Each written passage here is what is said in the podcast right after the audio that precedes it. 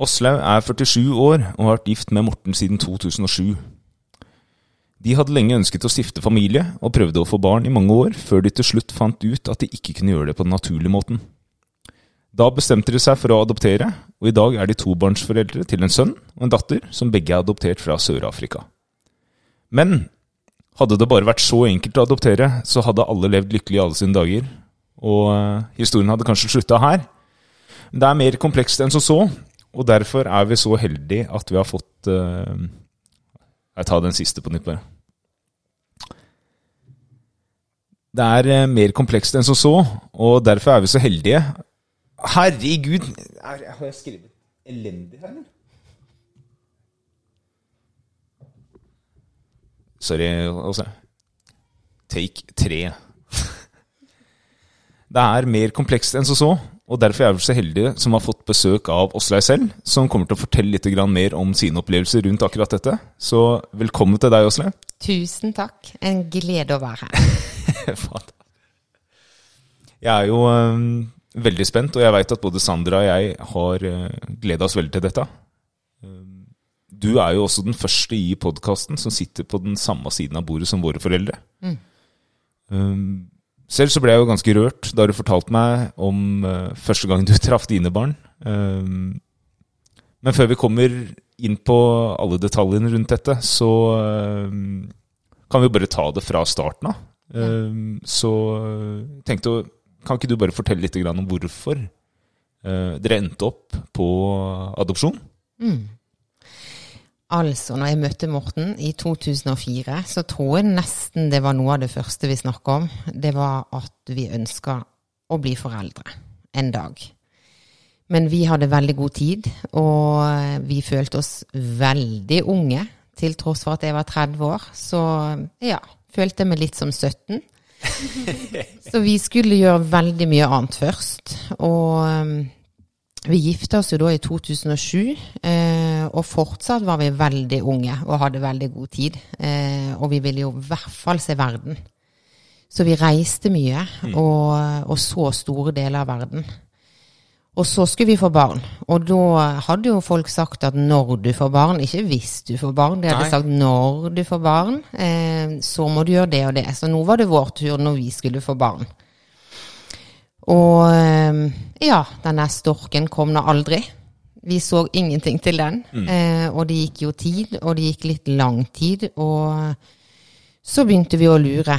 Hva i alle dager? Eh, var ikke det bare å bestille? Mm. Det var visst ikke det. Og så etter en eh, ganske lang runde med lege, fastlege, sykehus, eh, uten at de for så vidt kunne finne noe skikkelig grunn, så fikk vi beskjed om at vi måtte ha hjelp. Og så fikk vi hjelp, og det var jo i form av medisiner, så jeg gikk jo på hormoner okay. eh, i nesten ett og et halvt år. Eh, og det tror jeg er ett et, et halvt år Morten ikke vil ha tilbake, for å si det sånn.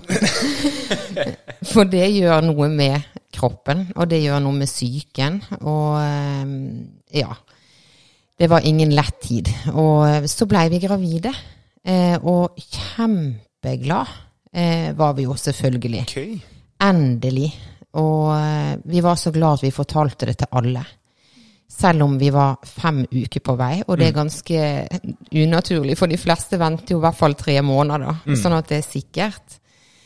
Eh, og det skulle vel kanskje vi òg ha gjort, eh, fordi at etter vi da hadde Ja, vi hørte faktisk hjertelyd i uke sju, eh, og det var òg veldig sterkt. Og så mista vi barnet. Og så skjedde det en gang til. Og da eh, sa legen dere kan fortsette med prøverør og medisiner, for til slutt vil dere mest sannsynlig lykkes mm. i og med at dere blir gravid. Men da orka ikke jeg mer, rett og slett. Eh, for det var såpass tøft eh, å miste to barn. Og jeg sier barn selv om de ikke var født, mm. fordi at man får veldig fort et sterkt forhold til, til de som er i magen, selv om de ikke er født. Mm. Og da eh, satte vi oss ned og begynte å diskutere hvordan skal vi da bli foreldre. For det var faktisk aldri noe alternativ for oss å si at eh, da var ikke det for oss. Så ja, nei, det er ingen menneskerett å få barn, men, eh, men vi ga ikke opp den drømmen. Så var det jo mange som sa til oss det at eh, hva med fosterbarn? Det er jo utrolig mange barn der ute som trenger fosterforeldre. Eh, og det vurderte vi. Men så er det jo noe med å kjenne seg sjøl, da, og vite at den usikkerheten som òg kan følge med det å være fosterforeldre, at det kan være eh, at biologiske foreldre melder seg på igjen, eller eh, blir friske. Eh, og du har det jo kanskje bare en stund. Kanskje noen år. Kanskje hele livet, men det vet du ikke. Og selv om alle barn er jo til låns, for så vidt, det er òg Jonas og Frida, mm. så, så blei det rett og slett uaktuelt å søke om å, å bli fosterforeldre akkurat da. Mm. Det kan være jeg hadde tenkt annerledes om i dag. Eh, og vi har jo òg snakka om at hadde vi vært yngre, så kunne vi ha hatt fosterbarn i tillegg. Mm. Men, eh, men, da ble det adopsjon som, eh, som, var det eneste riktige alternativ for oss. Og eh, vi er heldigvis skrudd sammen sånn at når vi da begynte å sette oss inn i det med å adoptere, mm. så fatta vi bare ikke hvorfor vi hadde prøvd å få egne barn. Det var helt merkelig at ja. vi hadde brukt tid og energi på det. For da var det det eneste riktige. Mm. Og fortsatt en dag i dag så lurer jeg på hvorfor ikke alle adopterer. ja, Ja. Det er veldig godt å høre. Mm. Virkelig. Var det utelukkende utenlandsadopsjon, eller var dere også inne på innenlandsadopsjon? Ja, faktisk begge deler. fordi at i Norge er det sånn at du får spørsmål når du søker om du ønsker å stå på innenlandsadopsjon i tillegg. Og det kan du gjøre eh, i et år. Og hvis man da ikke får eh, noe telefon eh, fra myndighetene i Norge, så eh, går jo saken videre til, i det landet man har valgt, da. Og det er visst ganske sjelden at eh, man får telefon om innenlandsadopsjon. Så eh, jeg kjenner ingen som, eh, som har adoptert innenlandsfra. Nei. Jo, ei, når jeg tenker meg om. Ja. ei, faktisk. Ja. Men er det ikke For jeg kan jo se på meg at det er at det er veldig mange som går den foster, fosterbarnsveien. Ja. Kan jeg se på meg. Mm. Når det kommer til innenlandsadopsjon. Mm. Det er det nok. Og det er jo blitt mer vanlig å få adoptere og fosterbarn. Mm. Det er det. Det har endra seg. Det har det, ja. ja. Tenkte dere noen gang på den tanken der? At dere kunne få adoptere et fosterbarn? Ja, det tenkte vi på. Uh, og hadde det vært en garanti så hadde vi nok kanskje dratt den prosessen der lenger. Mm. Men i og med at det nettopp var en usikkerhet, så, så valgte vi utenlandsadopsjon. Mm. Herregud. Mm. Og når dere da gikk for eh, adopsjon, hvordan gikk dere frem videre da, når dere liksom hadde bestemt dere for at ok, vi ønsker å adoptere? Mm, det var litt av et eventyr, for det var nesten sånn ta for deg globusen. og velge et land. Det var nesten der, altså. Eh, så vi dro ned tilfeldigvis til Verdens Barn. Eh, og så hadde vi møte med ei dame der, og så sa vi vi har kjempelyst til å adoptere, vi, men vi aner ikke hvor ifra. Mm. Men i og med at vi nå var blitt såpass gamle som vi var blitt, syns vi, eh, og vi òg veldig gjerne ville ha flere enn ett barn, så tenkte vi at vi må jo velge det landet der det går fortest. Mm. Og da trodde vi det var India. Så, okay. da, ja, så da sa vi vi tror vi ville adoptere fra India, sa vi. Mm. Nei, det vil dere ikke, sa hun da. Okay. For de er i ferd med å stenge. Oh, ja. så ja. Altså det, totalt? Ja. Så da, da, skulle Norge miste avtalen med India. Og grunnen, det vet jeg ikke, men i alle fall så ville de da ikke anbefale India der. Okay. Mm. På det tidspunktet. Mm. Når var dette? Det var i 2011. 2011, ja. Mm. Hvor gamle var dere på det tidspunktet, egentlig? Ja, du spør nå. Godt, syns jeg. Jeg var 36. Mm. mm. Og Morten var 39. Og eh, nei, så sa hun som jobber da i Verdens Barn at eh, Sør-Afrika er det landet det nå går fortest i. Eh, så de siste adopsjonene nå har bare tatt mellom 16 og 18 måneder. Mm. Så da var det jo et veldig enkelt valg, syns vi. Mm. Hvorfor eh, valgte dere akkurat Verdens Barn? Nei, det var òg tilfeldig. For vi kunne like gjerne ha valgt eh, Adopsjonsforum eller Inoradopt. Mm. Og alle organisasjonene er gode organisasjoner. Mm. Men vi trodde helt ærlig India var det landet vi skulle til, mm. eh, fordi det nettopp gikk så fort. Mm. Og da var det Verdensbarn som formidla fra mm. India akkurat da. Ja. Riktig. Mm. Det, var ikke, det, var ikke, bare et Google-søk på en måte nei. som gjorde at eh, Nei, nei det var rett og slett fordi vi hadde søkt på ventetid i de ulike landene. Mm. Og da hadde dere bestemt dere for Sør-Afrika? Ja. Og hvor går veien videre derifra? Da eh, gikk veien videre eh, Unnskyld. Da fikk vi beskjed om at vi måtte fylle ut adopsjonspapir. Så vi søkte, eh, og så får man jo kontakt med det lokale sosialkontoret, som skal gjøre en utredning mm. av oss som foreldre. Og da var det faktisk tre intervju eh, på Sagene sosialkontor mm. i Oslo. Eh, og etter de tre intervjuene så tar de hjemmebesøk. Kan du fortelle litt om hva de spør om i disse intervjuene, eller hva tematikken er i de intervjuene? De spør om egentlig alt. Hvem vi er, motivasjon for å adoptere, eh, hvilke ressurser vi har, eh, om det er ting som vi tror kommer til å bli utfordrende og vanskelig, om vi har helseproblem, eh, hvilke familier vi har rundt oss eh, som kan avlaste. Mm. De spør om alt. Jobb, utdanning, ja. Så det er en totalvurdering? Ja. Det er ikke, det er, eller føler du at den vekter vekter de noen elementer sterkere enn andre? Ja, jeg syns vel kanskje det de spør mest om er ressurser. Altså har vi ressurser til å ta imot det som kommer? Mm. Som eventuelt kan komme. Mm. Eh, så det kartlegger de grundig. Det gjør de. Mm. Og det er ganske inngående spørsmål. Så eh, vi forberedte oss godt og øvde i mm. forkant. Eh, og var jo selvfølgelig kjemperedd for at vi ikke skulle bli godkjent. Mm. Eh, og hjemmebesøket var jo helt eh, komisk den dag i dag. Sant? For vi hadde jo rydda hele huset og vaska og lagd boller og saft og kaffe og juice. Og det verste var at vi hadde laga en arbeidsfordeling i forkant. Det er helt sant. Det er ingenting som skal opp til tilfeldigheten, i hvert fall. For at eh, Så hvis hun ville ha mer jus, da skulle Morten reise seg og hente mer jus. Sånn at det så ut som han òg var veldig behjelpelig i denne ja, familien. det var fint. Jeg, jeg syns det, det sier jo mer om Det sier jo like mye om motivasjonen deres og ønsket om, om å stifte en familie. Mm. Det er jo eh, Det er jo egentlig rørende å høre den innsatsen dere legger ned, da, for i hvert fall ikke Du skal i hvert fall ha muligheten. Ja. Det er ikke det du skal stå på. Men um, dere fikk jo Dere blei jo fortalt at uh, i normal situasjon, eller uh, Hvordan skal jeg formulere det? Dere blei jo fortalt at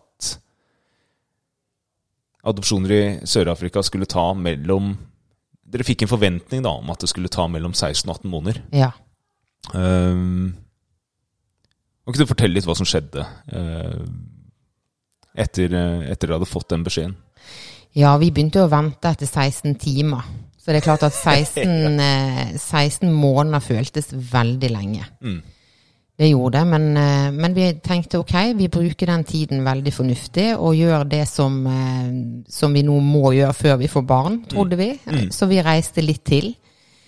Og um, forberedte oss med at vi lagde klart et rom. Og tok kontakt med andre som vi visste skulle adoptere. Og så meldte vi oss på adopsjonsforberedende kurs. Mm. Der vi møtte ti andre familier som skulle adoptere fra ulike land veldig spesielt å sitte på adopsjonsforberedende kurs i Ring. Eh, med 'Hva føler dere nå?' Og ja, var, vi hadde litt galgenhumor rundt det. Mm. Og um, det var flere familier som syntes det var en ganske merkelig seanse, fordi at det føltes lenge til. Mm. Eh, og så var det òg et fokus på at vi hadde noe veldig spesielt som nesten var litt sånn mystisk. Og ehm, ja, det var jo flere foreninger som var samla på det hotellet, og da var det sykdommen i alt. Og så satt vi i ett rom og skulle adoptere, så det var Det føltes litt rart. ja. Men eh, Og det var jo veldig sterke følelser i sving eh, på det kurset. Det var det jo òg for oss, for all del. Men eh, Hvor mange var dere som satt der? Ja, da var vi 22 totalt. Altså 10-11 familier var vi da Riktig. som satt. Og, og skulle prate om hvordan det kom til å bli eh, å bli adop adoptivforeldre. Og disse kursholderne var kjempeflinke, men du klarer ikke å sette deg inn i situasjonen. Og det er klart at alt det vi snakka om på det kurset der, det var glemt den dagen eh, vi faktisk henta Jonas. ja. For det var jo, som dere vet, mange år etterpå. Mm. Mm. Og ikke 16 måneder. Mm. Hva var det som eh, gjorde at det tok over tre ganger så lang tid som det dere blei eh, forespeila? Det skjedde ting i Sør-Afrika som forsinka hele prosessen. Eh, det ene var at de fikk en ny barnelov som eh, gjorde at ting tok lengre tid. Det andre var at de desentraliserte alt som hadde med adopsjon å gjøre. Eh, sånn at eh, domstoler som tidligere ikke hadde gjennomført adopsjon, skulle plutselig begynne å gjøre det. Og de ante ikke hvordan, så de måtte ha opplæring. Og dermed så gikk det sakte. Eh, så det var jo ett år det hadde vært 26 adopsjoner fra Sør-Afrika, som er ganske mye. 4, 5, 26, tror jeg. Mens det året vi da henta Jonas, så var det 11. Og halvert, da. Ja. Mm. Så det var halvert. Så ja. Hva er det som går gjennom huet til deg og Morten når dere får høre det? Og når dere får vite at dette dette kommer til å ta lenger enn 16-18 måneder, og egentlig på ubestemt tid vi ikke, kan vi ikke gi dere noe godt svar på når, når det kommer til å skje. Nei, det er den tøffeste perioden i en adopsjonsprosess. Det er det å vente. Og det å ikke vite eh, tid du får den telefonen. Eh, og der er dager som er kjempetøffe. Eh, fordi du har forventninger om at nå eh, skal vi sikkert høre noe, og vi får sikkert høre noe før jul i hvert fall.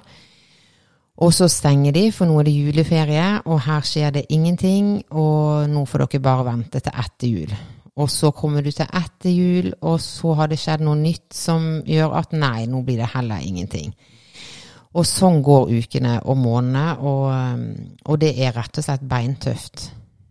Det er det, altså. Og jeg tror det som var mest utfordrende, var jo alle spørsmålene som kommer. For det var mange som venta sammen med oss og gledde seg jo på våre vegne, sant. Men, men som spør har dere hørt noe, har dere hørt noe, har de ringt? Og det var jo en gang jeg svarte at hadde vi hørt noe, så hadde vi sagt det.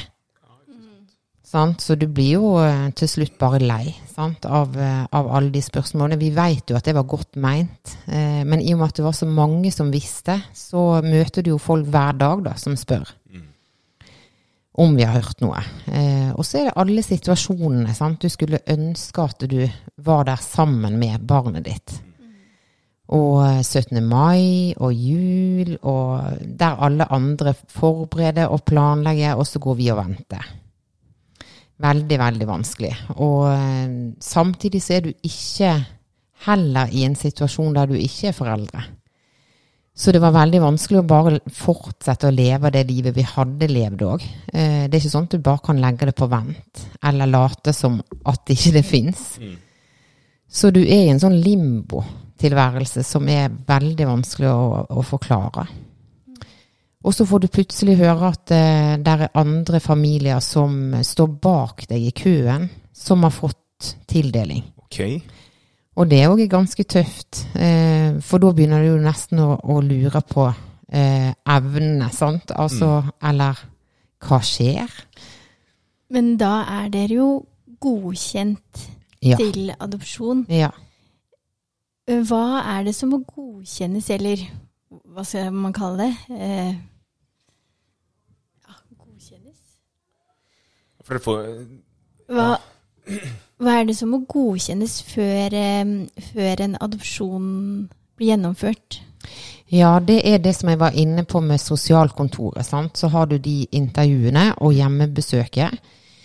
Og så er det da Bufetat som fatter et vedtak. Og når du har fått det, eh, der står det begrunnelsen hvorfor eh, vi er godkjent adoptivforeldre. Det er et nydelig sånn nesten diplom. Mm.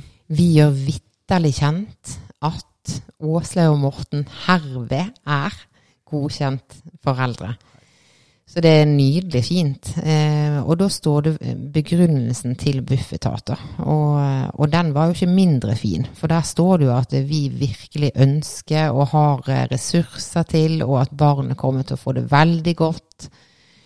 Ja, og når du har den godkjenningen, så har du jo den. Mm. Men det er jo likevel en egen prosess som foregår i Sør-Afrika. Eh, der de skal velge familie til barna. Og i noen tilfeller er det faktisk biologiske foreldre som får lov å velge. Eh, blant de som er godkjent. Ja, det husker jeg du nevnte for meg. Mm. Og Ja. da kan man jo velge, et, eh, velge en familie som ligger bak i køen. Det kan man jo av helt ulike årsaker. Og den prioriterer da, hvis jeg forstår rett, da, er det sånn at de prioriterer de biologiske foreldrenes ønske over Altså, det, det trumfer på en måte ventelistene. Ja, Mm. det gjør det. Og de er veldig opptatt av å finne god matching. Mm. Og det er jo kjempebra. Og der er foreldre som har konkrete ønsker. Det kan være foreldrenes utdanning, det kan være økonomi, det kan være tilfeldigheter. Mm. Det var ei som valgte en familie fordi at hun hadde akkurat lik kjole. Stemmer. Jeg husker det. Ja, Prikkete kjole, som hun syntes var helt nydelig, og dermed så måtte det bli hun. Det var et tegn. Ja, Det var et tegn hun hadde venta på. Jeg kan jo definitivt altså, jeg, Det er vanskelig å sette seg inn i den situasjonen, i hvert fall for, altså, for Sandra og meg, som har sittet på andre siden av bordet. Men det er jo på en måte mulighet, mulig å forstå litt hvordan du hadde det. Men øh, da dette Da de bak deg i lista kommer øh, holdt på å si, foran i køen og skjønner at det er en tung nøtt å svelge, men hvordan takla dere det? Nei, da må en jo bare rett og slett ta en fot i bakken og tenke at det er en grunn til at de ble valgt foran oss. Og da er det et ønske fra biologisk mor eller far. Ehm, og det må vi respektere. Og så er det lett å si det, og så er det nesten umulig å gjennomføre det. så følelsene sier jo noe annet. Mm. Så jammen har vi nå vært sinte på de som har gått foran, ja. Um, og når vi ikke har hørt noe. Og stakkar han som er ansatt i Verdens Barn, han har fått noen gloser innimellom fordi han ikke ringer oss. Nei. Så det er jo en ganske utakknemlig jobb noen ganger, tror jeg. Og å være den som uh, må formidle de dårlige beskjedene at ikke noe nytt nå heller. Mm. Men vi har vært flinke til å snakke sammen eh, under hele prosessen. Og um, det er jo en måte vi har takla det på, Mm. rett og slett. Disku ja, snakke om det hver dag. Mm. Hele tida. Mm.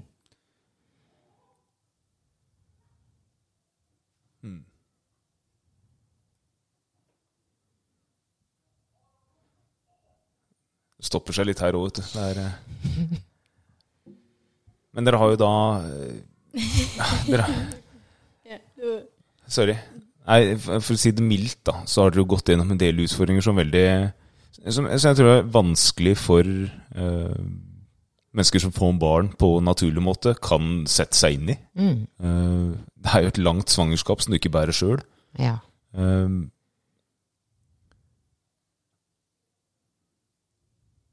til syvende og sist så får dere jo da beskjeden om at dere har eh, fått et barn. ja, det gjør vi. Hva er det som skjer? 13. mai Eh, 13. mai 2016 klokka 10.39. Mm. Kommer 10.39. aldri, aldri, aldri til å glemme det. Jeg er på jobb og um, skal akkurat innom en klasse. Da jobber jeg på en videregående skole. Skal innom og si fra hvem som har kommet opp i eksamen. Mm. Og kommer ned igjen på kontoret og ser at Helge har ringt. I Verdensbarn, altså. Og eh, han har ringt to ganger. Og så roper det til en kollega at nå har de ringt, men det er sikkert bare noen papir de mangler. Eller vi må sikkert bare oppdatere en legemelding eller et eller annet. Sånn. Ja. Du, du tør ikke tro på det. Men Hva var forventningen din da? Eller hva var det som gikk gjennom huet ditt? Nei, da sier hodet nå må du bare forberede deg på at det bare er noe formelt. Ja. Ikke få for høye forventninger. For guds skyld, ikke få for høye forventninger. Og så blir du veldig logisk, og så tenker jeg nei, for hvis det var det, så hadde han jo ringt Morten. Siden han ikke fikk tak i meg. Og i og med at Morten ikke har ringt meg opp igjen, så er det jo ikke det det handler om. Og når jeg står og tenker det, så ringer Morten. Og da skjønte jeg det. At det var det han hadde ringt om. Og da sier Morten hei, du har blitt mamma. Og du har blitt mamma til en gutt på syv måneder. Og da måtte jeg bare sette meg ned, for da klarte jeg nesten ikke å stå oppreist, rett og slett. Og jeg tror de måtte litt sånn holde meg og komme med noe vifte og litt vann og litt sånn. Nå må du ta det med ro. ja. Og så sa de en del ting om han som eh, jeg tror jeg ikke klarte å ta Altså, jeg husker det vel knapt. Jeg tror jeg skrev ned da han er født, et eller annet sånn. Og, for da fikk jeg snakka med de i Verdens Barn etterpå. Um, og så sier Helge, men hvis dere har muligheten nå, så kom dere hjem, fordi at nå sender dere en mail med bilde. Og um, jeg tror jeg pakka på under ett minutt og sa bare 'eksamen for vei eksamen', ha det. Og Morten dro fra jobb og henta meg utenfor jobben, og skulle, så skulle vi hjem. Men vi fant ikke veien. Og vi kjørte altså så feil. Hæ? Det er helt sant. Opp på Grünerløkka, og der skulle vi jo ikke kjøre. Og ned igjen og rundt. Og vi skulle jo på et eller annet tidspunkt komme oss opp til Brochmanns gate, der vi bodde, men nei. Det klarte vi heller ikke. Og eh, det var Du fant rett og slett ikke det. Nei. Vi kjørte så mye feil, altså. Vi var helt satt ut. Rett og slett. Og grein og lo. Og hva var det han heite, og navnet om igjen, og han var født i ja, hva var det, 20, var det i 2015? Ja, han er bare sju måneder, sier jeg. Ja, men det har jo jeg sagt til deg før, sier Herlighet, hvor liten han er, Ja. Ja. Og så kom vi hjem og åpna mailen, og så ser du bare rett inn i verdens nydeligste øyne. Og han var ikke liten. Han var sju måneder og en skikkelig sumobryter. og helt fantastisk vakker. Jeg har aldri sett noe så fint i hele mitt liv. Så øh, fikk vi masse andre bilder òg, fra han var faktisk øh, helt nyfødt. Okay.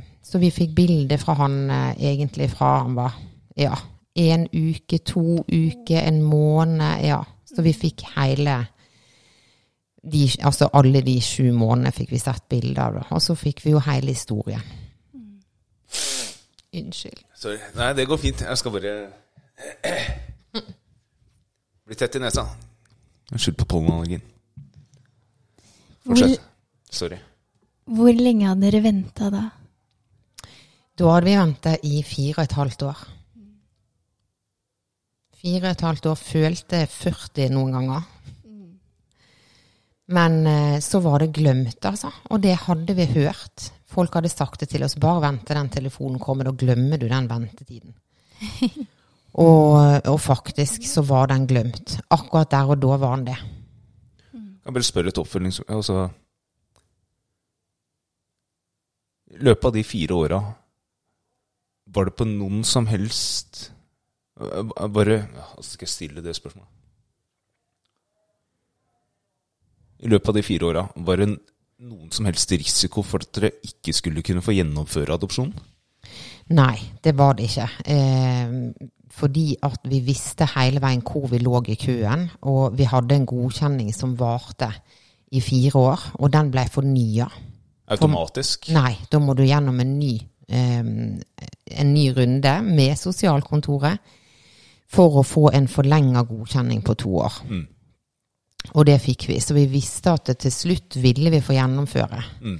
Med mindre Sør-Afrika skulle finne ut at nå vil vi ikke lenger samarbeide med Norge. Men, eh, men det visste vi at det, risikoen for det var veldig liten.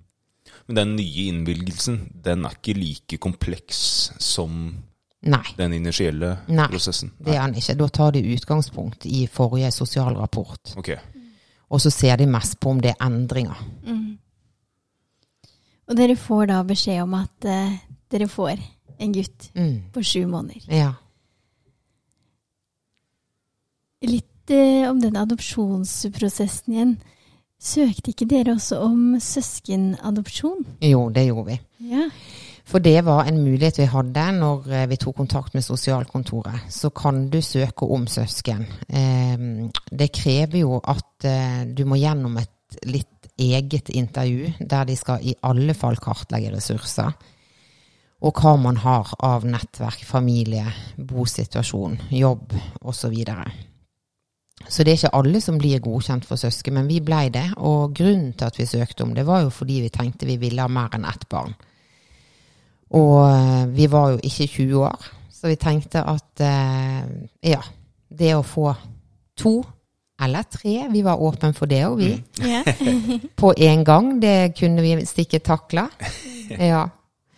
Men vi fikk jo underveis i prosessen vite at eh, sjansen for å få søsken fra Sør-Afrika er veldig liten. Ok. Vet du hvorfor? Det er fordi at foreldrene, eller mor da, i eh, størst mulig grad tar kontakt med hjelpeorganisasjonene mens de er gravide, altså underveis i svangerskapet. Eh, sånn at de færreste har jo da flere barn. Eh, så det er for, for de, mange av de så er det første barnet, og som de tar kontakt med hjelpeorganisasjonen med da. Midt i graviditeten, eller i begynnelsen, eller slutten. Men ja. Så da har de ikke nødvendigvis barn fra før, da. Mm. Hvor lang tid tar det da um, Skal vi se Ja, ikke sant. Så da fikk dere jo beskjed om, om at dere kunne hente en gutt. Um, hvor lang tid får dere på dere til å forberede reisen? Da hadde vi 12-14 dager på oss før vi måtte være der nede. Så i løpet av to uker hadde vi da. Så vi dro rett til familie og feira eh, ganske stort i to, tre, fire dager. Og så tenkte vi at vi drar ned litt før, eh, sånn at vi kan ha to-tre dager der nede før vi skal møte han. Eh, så vi dro egentlig etter ei uke pakka ganske fort. Vi var überklar, for å si det sånn. Mm. Fikk dere hjelp fra Verdensbarn til å booke billetter, komme dere ned dit? Det kunne vi ha fått, fordi for de samarbeider med et reisebyrå, men vi valgte å gjøre det på egen hånd. Og eh, booka egentlig både sted å bo og billetter sjøl, da. Det gjorde vi, og det glemte jeg å si i sted, faktisk. fordi at i ventetiden, det vi faktisk gjorde, det var at vi dro til Sør-Afrika. Aha. Ja. Det gjorde vi, så vi har kanskje sett noen av de der nede fra før. Ja, ja. Nei, de var jo ikke født. ja, vi dro ned og var mm, faktisk over en måned i eh, Sør-Afrika bare for å bli kjent med landet. Mm. Og kulturen og Ja. ja. Hvor i Sør-Afrika var dere? Da var vi i Cape Town. Cape Town. Mm. Og det er der begge barna kommer fra. ja. Mm. Var det tilfeldig? At de kommer fra Cape Town? Nei, det er ja, altså Verdensbarn samarbeider med Sør-Afrika, og da har de hatt eh, fra både Johannesburg og Cape Town. Men det er de to byene barna har kommet ifra, da. Ja. Ja, Og da pakker dere bagen og reiser av gårde. ja det gjorde vi. Spente. Veldig spente. Hva går gjennom eh, hodet ditt da på den flyturen? Nei, da, den flyturen, da husker jeg vi sov ingenting. Um, og likevel er du ikke trøtt, for du er bare så gira. Og koffertene, jeg tror vi hadde pakka veldig rart. Fordi at vi hadde egentlig pakka som om det skulle være kjempevarmt. Eh, og så kom vi jo ned, så var det litt kaldt. og så bodde vi på et gjestehus der de ikke hadde ovn, og ja da. Så vi måtte egentlig rett ut og kjøpe klær. Når, når på året var dette? Det var i april. I april, mai, ja. unnskyld, mai. Så det er høst der, da. Ja, Mm. høst. På vei til vinter, faktisk. Mm. Mm. Og vi har til og med hørt i ettertid at det kan snø i Sør-Afrika. Riktig. Nei, tusen tanker, altså. Og, og de dagene i forkant òg, det var bare om å gjøre å fylle de med opplevelser. Eh, og det gjorde vi. Så vi var på farten da i tre døgn, og satt egentlig bare og talte timer. og venta på eh, at vi skulle dra og hente. Mm. Mm. Fikk dere noe oppfølging av Verdensbarn der nede, eller møtte dere en representant der? Ja, Verdensbarn samarbeider da med en organisasjon som heter ABBA. Eh, og de har jo representanter i Cape Town som da møter adopsjonsforeldrene. Adoptivforeldrene. Mm. Og um, hjelper de med hvor de skal henvende seg, hvor er domstolen, eh, hvor kan du kjøpe inn ting eh, og har et program som du faktisk skal følge da, eh, i løpet av denne uka man er der, før man henter. Mm. Så da må dere Da har dere vært der i to-tre dager, mm. og hva skjer etter det? da skal vi til barnehjemmet for å treffe Jonas. Og vi skal kjøre i tre timer fra Cape Town, og hun fra ABBA kjører bilen, meg og Morten sitter bak. Og jeg tror første timen så snakker vi i ett bankakjør. Og stiller spørsmål, og hun svarer, og vi prater, og det går, eh, det går litt fort baki der. Jeg tror vi var rett og slett litt paniske. Eh, og så når det nærmer seg, sier hun ja, nå er det bare en halvtime igjen. Så er vi der, så blir det helt stille. Og da tror jeg vi bare er litt sånn lamslått at nå er vi så nærme han som vi har venta så lenge på. Og så parkerer hun, og så kommer hun som da driver dette barnehjemmet ut i hagen og sier først skal dere få komme inn og snakke litt med meg før dere får kommet og hilst på Jonas. Og da kommer hun med et album, og de har laga gave til oss. Og her er den bamsen han liker best å sove med, og dette er flaska han må ha. Og akkurat nå sover han, sier hun, så nå kan vi egentlig bare drikke litt kaffe og vente til han står opp, og så kan dere få komme ned og hilse. Og så um, sitter vi der, og det er de lengste minuttene i hele mitt liv. Den kaffen der ble jo aldri tom, men det er mulig? Eller jeg fikk vel ti kopper, kanskje. Så det og så endelig sier hun nå kan vi gå ned. Eh, og da sa hun han sovner faktisk ikke, så han har sikkert sensa at et eller annet er, er i gjære. Så han var egentlig ganske lei seg. Eh, og så sier de dere må være forberedt på at han eh, kommer til å gråte veldig mye. Å ja, fordi han ikke har sovet, sier jeg. Nei, eh, det er rett og slett fordi at det er en sånn gutt han er. Han eh, er en eh, litt engstelig gutt som eh, er veldig redd for fremmede. Eh, så dere må være forberedt på at han kommer til å gråte mye, og det er ikke sikkert han vil være med dere i bilen. Eh, og ja, vi veit ikke helt hvordan de første døgnene kommer til å gå, men dere må bare være forberedt på det. Og så kom vi ned, og det som møter oss da, er jo faktisk syv andre barn som uh, står og spreller i hver sin stol og seng og uh, er kjempehappy for at det kommer noen folk inn, og så ser vi ikke han. Um, for han sitter da litt lenger bak i rommet, på fanget til ei, og kikker opp på oss og er veldig, veldig bekymra. Og så er det noe med å klare å holde tilbake følelsene, da, når du ser han. For der var han. Og du vil jo bare løpe bort og ta han ut av armene på dama og klemme han og springe av gårde. men, eh, men, det der og da måtte nærme seg litt og litt, eh, og så hadde vi med ei lita kanin, og så prøvde vi å få han til å like den, og så nei, det var, holdt ikke, og litt nærmere og litt nærmere. Og så satt vi sånn på gulvet, da, prøvde å komme bort til han ganske lenge. Eh, og så kom den ene hånda litt sånn fram, og da turde han å ta litt sånn forsiktig på den ene armen. Ja. Og eh, så kom han over på fanget mitt eh, uten å gråte, og da var de litt sånn Oi, dette går bra. Foreløpig går det bra, vi må bare holde pusten. og så kom han til Morten og uh, klappa han på hodet. og så blei det en sånn sakte, sakte tilnærming til oss, da. Og så fikk vi faktisk løfta han opp fra gulvet, og, og, da sang jeg til han, husker jeg. Og jeg husker ikke hva jeg sang, men det var i hvert fall en sang han likte. Og, og, da la han faktisk hodet ned på skuldra. Um, og ikke sovna, men han slappa i hvert fall av. Og da sa hun eh, som jobber på barnehjemmet, bare gå i bilen med en gang. Skynd dere i bilen før han begynner å gråte! og da sprang vi i bilen. Og så sovna han i bilen. Og vi var fortsatt bare helt eh, lamslått.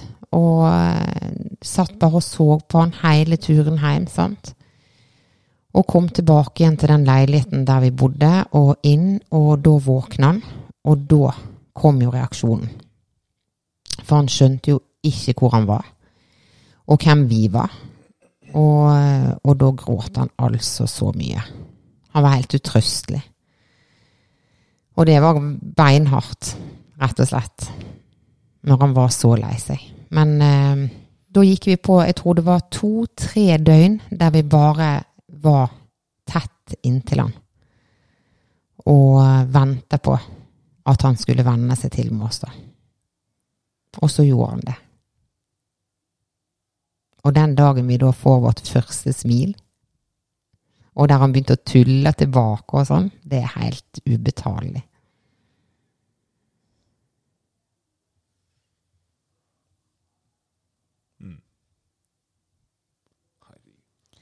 Dette er jo et øyeblikk dere har venta ekstremt lenge på. Veldig lenge. Mm. mm. Hvordan er det følelsesmessig? Det er nesten så du sprekker, faktisk. Og så det som jeg er mest overraska over, er hvor fort du kjenner deg som mamma. Hvor utrolig fort det gikk. Og at det er den mest naturlige ting i verden at, uh, at jeg er som med hans mamma. Og det, det, er rart, men vi ser jo ikke f.eks. det at han er mørk og jeg er lys. Fortsatt den dag i dag så er det sånn veldig merkelig hvis du går på butikken og folk lurer på er han din. Ja, selvfølgelig er han min. Ser du ikke det? du må jo se det at han er min. Ja.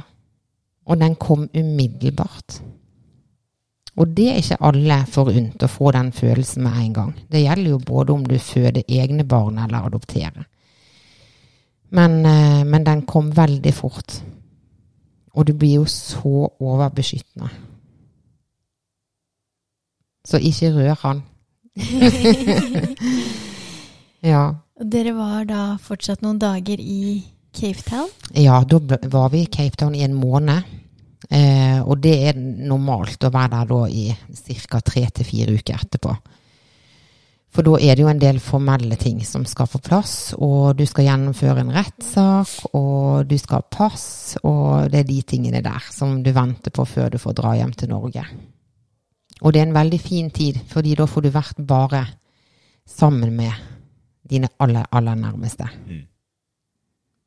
Hvordan er de dagene der nede sammen med Morten og Jonas?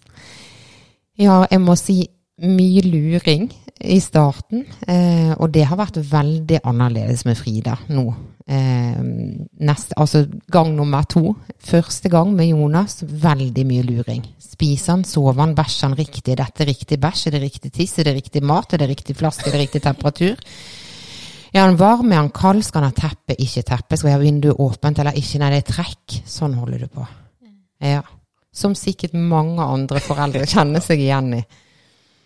Ja. Og så er det noen ting du lurer på, og som vi fortsatt lurer på, eh, som vi aldri vil få svar på. Og, og, det er en utfordring med det å være adoptivmor eller adoptivforeldre. Det er at du vil alltid lure på om dette er normalt til å være en treåring, en fireåring, en femåring, eller er det fordi han er adoptert? Det vil, det vil vi alltid lure på.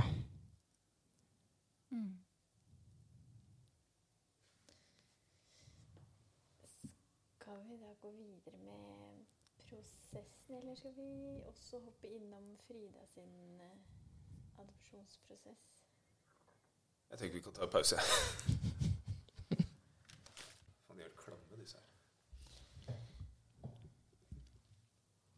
dere får etter hvert uh, ta med Jonas hjem til Ja. Norge. Ja. Hvordan har det gått etter at uh, han kom hjem til Norge? Det har vært eh, mer utfordrende enn vi var forberedt på. Det har det. Vi kom hjem med Jonas som eh, var veldig, veldig, veldig opptatt av å bare være med mamma og pappa. Og helst være inne med mamma og pappa. Og alle folk vi møtte, var skumle. Og familiemedlemmer var skumle, og folk på butikken var skumle. Så han eh, han hadde mye angst, mye sosial angst. Og, og var veldig avhengig av å ha en av oss i nærheten. Helst begge to. Hele tida. Så første og andre året syns vi var veldig utfordrende, med at vi da måtte skjerme han masse. Og vi prøvde jo å ta han med på både familiebesøk og turer, og tok jo han absolutt med ut. Eh, mye mer enn han ville. Men så kom det jo reaksjoner, eh, både under besøk, men eh, kanskje mest av alt etter besøk, og etter vi hadde vært plasser. Da kunne det f.eks. komme nettet der han ikke sov, eh, at han gråt mye, og, og hadde en del raseriutbrudd. Så um, det syns vi var veldig tøft, rett og slett. Og fordi at meg og Morten er kanskje i overkant sosiale folk. Og um, har et stort nettverk og en stor familie, og ville jo bare ta han med. Sant? Og vi ville jo vise han, og vi hadde jo masse ideer, for det har man jo gjerne. Ideer om uh, hvordan det skal bli å ta han med. Og så skal vi på festival, og han skal bare rocke den festivalen med øreklokke på, sant? Ja da. Men eh, vi kunne jo bare glemme det. For det var ikke han klar for. Um, og når, vi da, når han skulle starte i barnehagen, da hadde han vært hjemme i ett og et halvt år. For vi tok ut ekstra permisjon eh, med han. Så begynte han i en veldig liten familiebarnehage mm, med bare seks unger. Og likevel var det kjempetøft for han at vi gikk fra han. Og, eh, og han klarte egentlig ikke å komme inn i den barnehagen skikkelig. Så eh, nå er jo Jonas snart seks, eh, og mm, det har jo gått seg til mer og mer, og han blir tryggere og tryggere. Og mm, vi ser jo òg det at han nå stoler på at selv om vi er vekke, så kommer vi tilbake igjen. Nå har han lært det. Og han har lært at uh, vi forsvinner ikke for alltid. Vi forsvinner kanskje for en time eller for et døgn i verste fall. Men vi har vært veldig lite borte fra han. Mm. Det har vi. Jeg spør lå det noen gang i kortene at dere skulle adoptere et barn til, eller få et barn til? I hodet og hjertet, ja. det gjorde det. Det var jo, Vi søkte jo som sagt om søskenadopsjon, eh, og så kom Jonas. Og han eh, var jo som sagt en utfordring. Eh, så da hadde vi egentlig ikke noe tanke om det. Første og andre året spesielt. Mm. Men det lå nok kanskje litt mer der i bakhodet enn eh, det vi snakka om. Mm. Det gjorde det. Og, men så tenkte vi at det var kanskje litt for seint, eh, i og med at vi eh, har nådd den alderen vi har gjort. Og eh, pluss at det fins jo regler for hvor gammel man kan være ved å søke om adopsjon. Ok. Og der er det òg stor forskjell på landene. Så Sør-Afrika har operert med 40 år som eh, aldersramme, mens vi vet andre land har 50, og eh, ja, det der varierer veldig. Mm.